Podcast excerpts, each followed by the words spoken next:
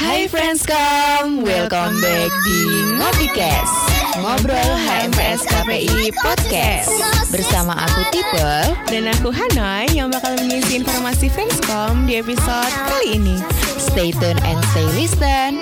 Salam Harmoni Assalamualaikum warahmatullahi wabarakatuh Kembali lagi bersama aku Hanoi di Ngopikes Ngobrol HMPS KPI Podcast Kali ini kita akan sedikit berbincang-bincang mengenai kuliah sambil puasa Gimana ya kira-kira rasanya? Sebelumnya aku tentu aja dong gak sendirian Aku ditemenin sama mbak narasumber kita nih Bisa perkenalkan diri dulu Oke, terima kasih Mbak Hanoi. Sebelumnya aku mau perkenalan dulu nih. Oke, Assalamualaikum warahmatullahi wabarakatuh. Waalaikumsalam warahmatullahi wabarakatuh Perkenalkan, namaku Eis Maimunah. Aku merupakan salah satu mahasiswa KPI semester 4. Nah, di sini tadi tiba-tiba diundang nih sama Mbak Hanoi. Ini mau ngapain sih? Kita di sini bakal podcast membahas mengenai bulan Ramadan ini nih. Apalagi kita kan puasa sambil kuliah ya.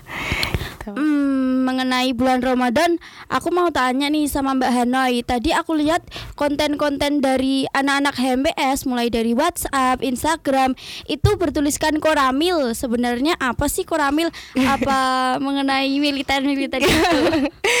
Tentu aja enggak dong, masa militer. Koramil itu adalah salah satu program selama Ramadan dari HMPS KPI khususnya dari bidang dakwah dan riset. Singkatan Koramil sendiri itu adalah konten Ramadan militer. Eh, Gimana sih, Mbak?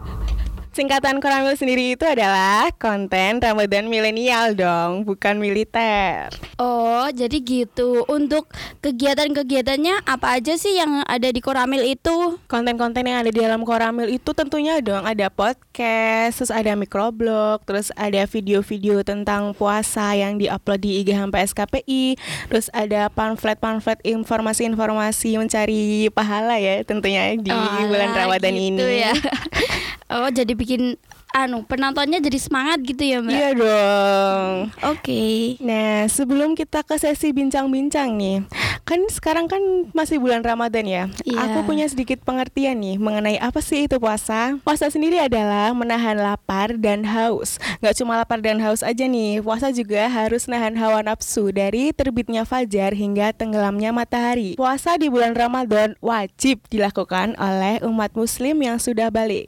Mengenai kewajiban tersebut dijelaskan dalam Al-Quran Surat Al-Baqarah ayat 183 yang artinya Wahai orang-orang yang beriman diwajibkan atas kamu berpuasa sebagaimana diwajibkan atas orang sebelum kamu agar kamu bertakwa. Nah tapi nih banyak dari mahasiswa yang ngeluh nih mereka harus tetap berangkat kuliah walaupun mereka tetap puasa.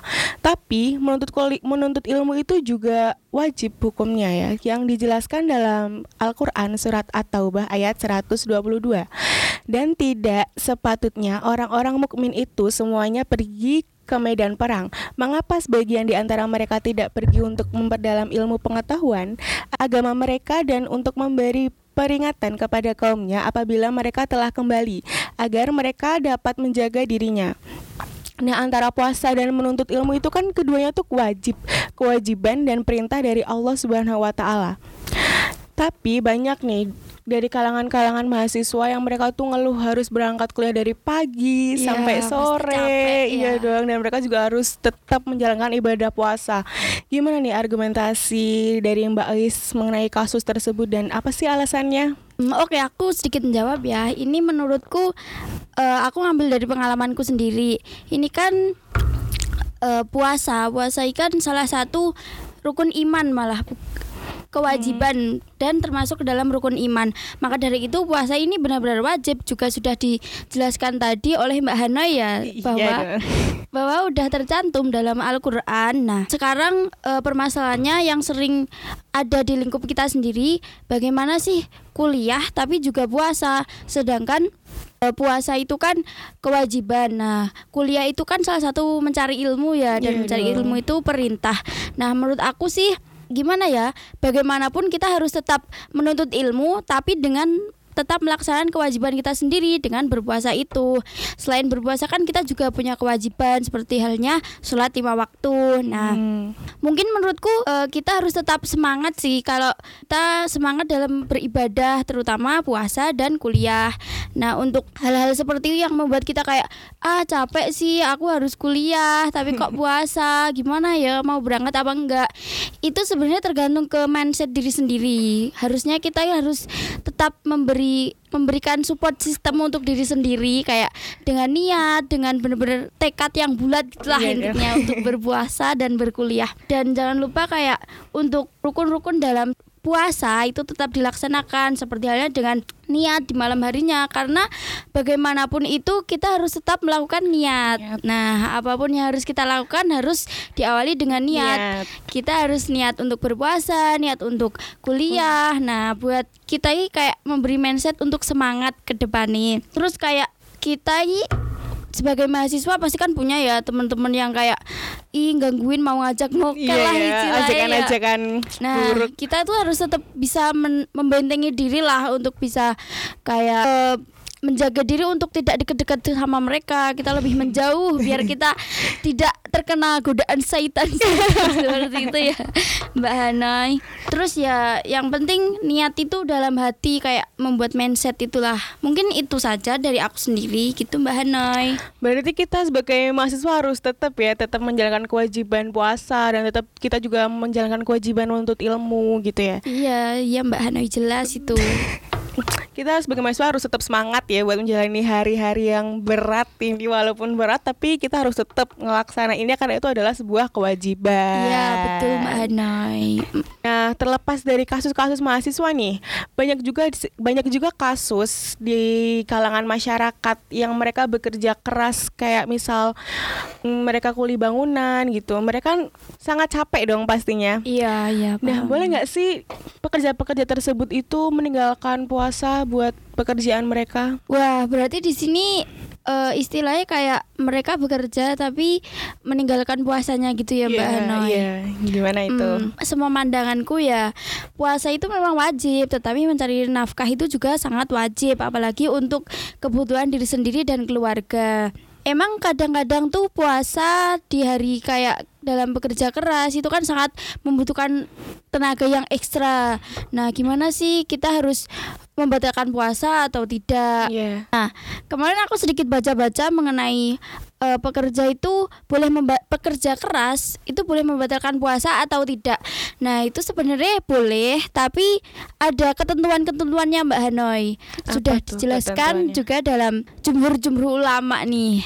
Nah, untuk ketentuannya sendiri, yang pertama, pekerjaannya tidak bisa dikerjakan di waktu malam. Nah, misal pekerjaan itu emang benar harus dilakukan di siang hari Hmm. dan tidak bisa dilakukan di malam hari kan eh, gimana ya? Itu kan tidak boleh memberatkan kita juga. Iya, Jadinya iya. kan kita harus tetap melaksanakan pekerjaan Pekerjaan. itu. Nah, kan kita juga puasa, tapi ada persyaratan selanjutnya yaitu eh, tidak bisa ditunda sampai pada bulan Syawal.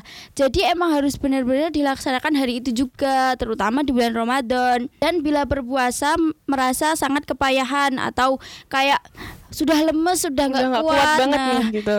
daripada nanti kan eh, malah menimbulkan madorot atau Iya. doror sebagai mm, kayak menimbulkan diri sendiri menjadi sakit atau gimana itu Susah lah buat sendiri-sendiri ya gitu ya. itu salah satu sebagai syarat. Dan selanjutnya ketika berbuka harus niat dengan memperoleh kemurahan.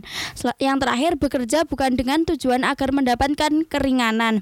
Nah jadi dijelaskan di sini bahwasanya bekerja saat bulan puasa itu boleh sangat diperbolehkan apalagi itu kewajiban. Tapi dalam sisi lain kalau bekerja keras dan kayak sangat akan melelahkan itu diperbolehkan untuk membatalkan. Tapi ada persyaratan juga. Sebelumnya kita harus tetap niat berpuasa kita harus tetap sahur kita harus berpuasa tetap menunaikan ibadah sholat. Nah tiba-tiba di pertengahan kita misal udah jam 2 udah nggak kuat nih daripada apa darurat untuk diri sendiri itu diperbolehkan untuk membatalkan. Tetapi untuk di setelah Ramadan nanti tetap diwajibkan untuk membayarnya.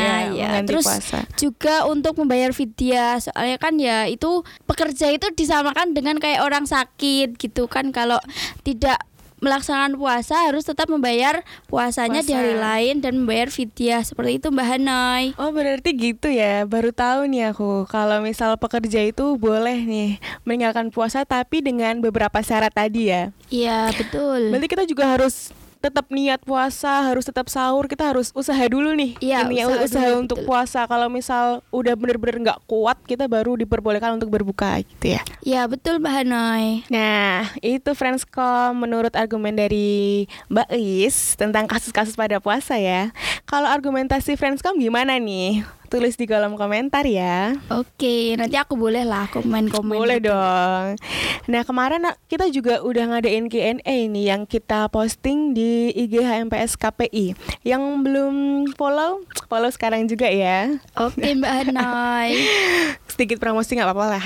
Yang pertama ada dari Fran Mulk. Belum pernah kuliah sambil puasa Min. Menurut Anmin gimana kuliah sambil puasa itu? Oh ini buat pertanyaan buat aku nih. Iya dong. Oh jadi menurutku kayak kuliah sambil puasa, uh bener-bener kayak menguras energi. berat banget iya ya berat pasti ya. banget. Tapi ya tergantung diri sendiri. Kita harus tetap benar-benar niat banget buat puasa, buat kuliah karena bagaimanapun juga kuliah itu wajib. Ya nanti kalau misal kita nggak masuk gara-gara gara-gara puasa itu kan kayak apa sih kok? Apa sih? Iya. Ya mungkin itu sih menurutku. Berarti kita harus tetap semangat ya menjalani kuliah sambil puasa itu. Iya pasti. Ada juga nih dari at underscore mnrz susah ya namanya ya. Harus bener-bener sabar sih karena kemungkinan panasnya double kondisi luar dan dalam ruangan. Ada yang ngeluh juga nih dalam ruangan ada AC tapi tetap panas dan di luar juga panas. Gimana tuh? Aduh, ini kan berarti mm, selain dari internal diri sendiri tuh kayak di dalam kelas kayak gerah banget kan ya. Banget. Pasti bikin haus. Aduh, mana puasa. Aduh, keringetan gitu ya. iya, itu menurutku tergantung gimana kitanya kayak kita bisa inisiatif loh itu bawa kipas biar sebagaimanapun kita nggak gerah gitu loh Bisa biar pakai buku juga. Iya ya kan? pakai buku. Terus biar tetap nggak gerah, biar esis gitu ya istilahnya. biar nggak haus ya Mbak Hana ya. Ya, Ya. ya. berarti kita harus punya inisiatif ya Iya tinggi. jelas. Oke, selanjutnya ada dari aku Ayu ya. Belum Apa tahu tuh? Min, soalnya first time banget kuliah sambil puasa. Mungkin sama kayak di pondok. Tuh, gimana tuh? Duh anak pondok banget nih santri. ya sebenarnya kuliah sambil puasa itu 11 12 ya kayak di pondok. Aku sendiri kan juga alumni pondok. Nah, di pondok tuh kan kayak kegiatannya juga banyak, terus kuliah. Nah, nih kalau di pondok kan ini ya belajar ngaji, belajar sekolah biasa, terus harus puasa nih. Sebenarnya 11 12 sih ya antara kuliah, Kuliah. sambil puasa dan mondok sambil puasa. Jadi kayak harusnya udah terbiasa itu. Kadang malah lebih ringanan. ringan nggak iya, sih? lebih ringanan kuliah sambil puasa karena ya kita nggak usah jalan ke sana ke sini. Kita udah jamnya kan cuma sedikit Iya. ya, nggak full kayak Kan jadi juga ada pengurangan jam ya. Iya, kayak nggak pas waktu jadi santri pasti kan full ya Full dari seharian. pagi sampai Iya. malam. Ya gitu sih Mbak. Oke, ada lagi dari Owi. Wih, owi, owel. Selain iman yang tebal, apalagi min yang perlu disiapin agar tidak tergoda dengan rayuan temen nih yang ngajak mokel. Wah, itu emang kalau di bulan puasa ya teman-teman ini emang kayak hmm suka banget gangguin orang puasa ya apalagi mereka yang lagi halangan terus nggak puasa ih Apalagi kayak ngirim-ngirimin gambar kayak teh iya gitu. betul banget itu ya apa sih yang bisa membentengi diri kecuali iman iman dan takwa ya. Imannya harus tinggi ya. Kalau secara langsung mungkin kita bisa menghindari kita kalau diajak ke mana gitu atau diiming-imingin makanan atau minum langsung pergi aja udah Langsung tolak ya, ditinggal Kita harus menahan diri juga Iya dong. betul membentengi diri. Kalau misal di media sosial langsung blokir aja. Blokir udah nggak kamu nggak usah ngirim-ngirim kayak gitu. iya. Nanti dibuka lagi kan tidak boleh memutus silaturahmi. siap siap ada lagi nih dari Halo Alkana Apa tuh? tips tetap semangat kuliah saat puasa Min Wih tetap semangat. apa ya ini menurutku tetap dari diri sendiri sih membentengi diri support system nah terus kayak kemarin aku juga dapat tips-tips untuk berpuasa di bulan Ramadan terutama pada kuliah. Nah, ini yang pertama eh, jangan telat sahur yang pasti. Hmm, Hmm, apalagi ini- yang anak-anak kos ya. Iya, anak-anak kos udah nggak ada yang bangunin, malamnya begadang. Wah, itu sering banget pada telat-telat ya kan. Nah, itu salah satunya yaitu jangan sampai telat sahur. Sahur. Karena bagaimanapun juga kan energi kita di la- dalam satu hari itu ada dalam sahur itu. Bekal ya semuanya Iya, bekal, bekal. dalam tubuh. Nah, terus kita harus menerapkan minum air putih. Minum air putih 242. Gimana tuh, Ya, 242? 242 itu kayak pertama waktu kita sahur itu sebelum makan dua eh satu gelas, Hmm. setelah makan satu gelas itu kan jadi dua.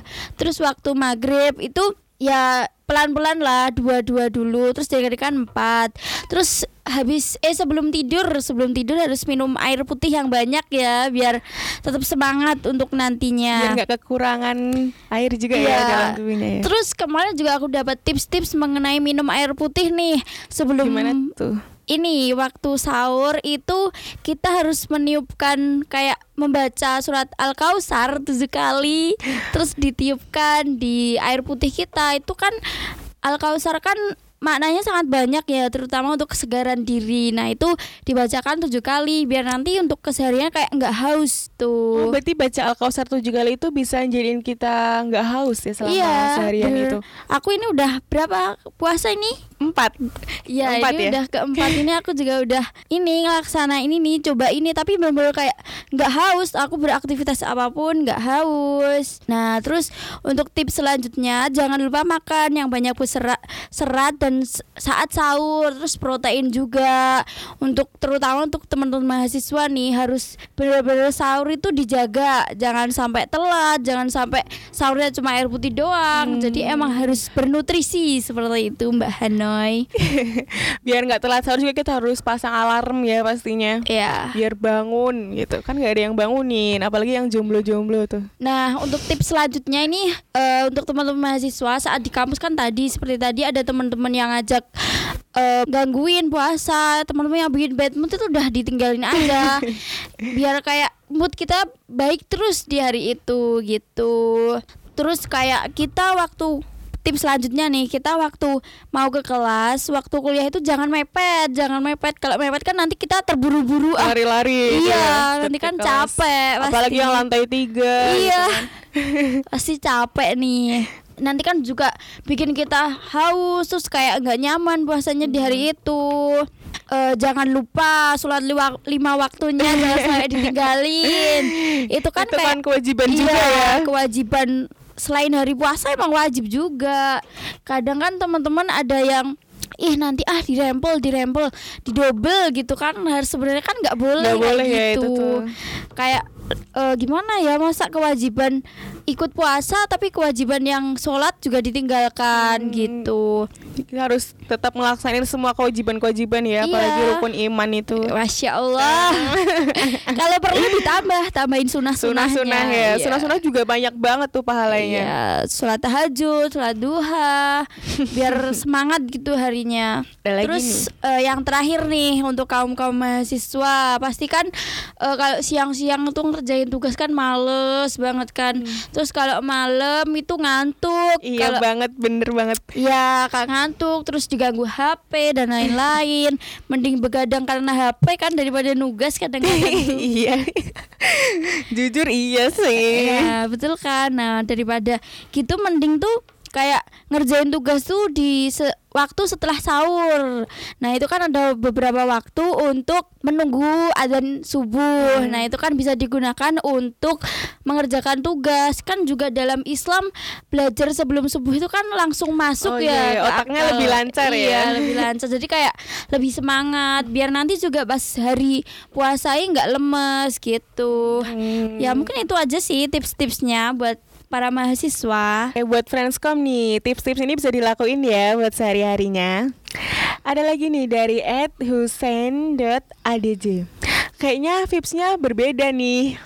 Gimana tuh vibesnya tuh? Wah, Febs kali ini mungkin kita ya masih semester baru semester 4. Ini kan kalau misal tahun lalu kan baru semester 2 ya, Ramadan tahun lalu itu kan kita sering diliburkan apalagi kan masih zaman-zaman corona ya itu masih masih banyak Iya, di mas- rumahnya ya. Iya, masih di rolling itu semester saat eh 2 sama semester 4 jadi gantian yang kuliah. Jadi kan kayak Febs-nya kita kuliah jarang-jarang jadi masih semangat gitulah Hmm. puasanya. Untuk tahun ini kan vibes-nya ya jelas berubah soalnya emang bener-bener full offline ya. Full banget. Iya, apalagi ini Ramadan lagi UTS, ya. UTS Nah, awal Ramadan banget. UTS apalagi anak-anak rantau mereka nggak iya, bisa pulang bisa kan? pulang karena UTS ya. Gimana ya? Kan emang udah jalannya gitu ya mungkin. mungkin gitu dijalani aja soalnya kan ya udah gimana ya udah fasenya lah udah biar nggak covid lagi gitu nggak ada online online kan lebih asik offline juga ya bisa ketemu Iya, ketemu seru. bisa cuci mata juga. Iya cuci mata. Anak UIN yang bisa dicuci matanya apa? Eh, ada juga nih dari Eva Marta. Keluh kesahku sebagai anak PP pulang pergi alias laju kuliah sambil puasa ndak mampu min Aduh, saya tidak mampu. Gimana ya puasa sambil kuliah ada aja udah capek ya, apalagi laju. Mana lajunya misal dari Jumantono tuh satu jam lebih laju sampai Kartasura, terus kuliah cuma sebentar kan bosan banget. Terus jauh-jauh, capek. Gimana ya? Menurutku sih untuk teman-teman yang laju itu tetap semangat. Terus berangkatnya jangan sampai mepet. Kalau misal siang itu agak pagian udah berangkat kan Biar siang juga panas-panas ya. ya.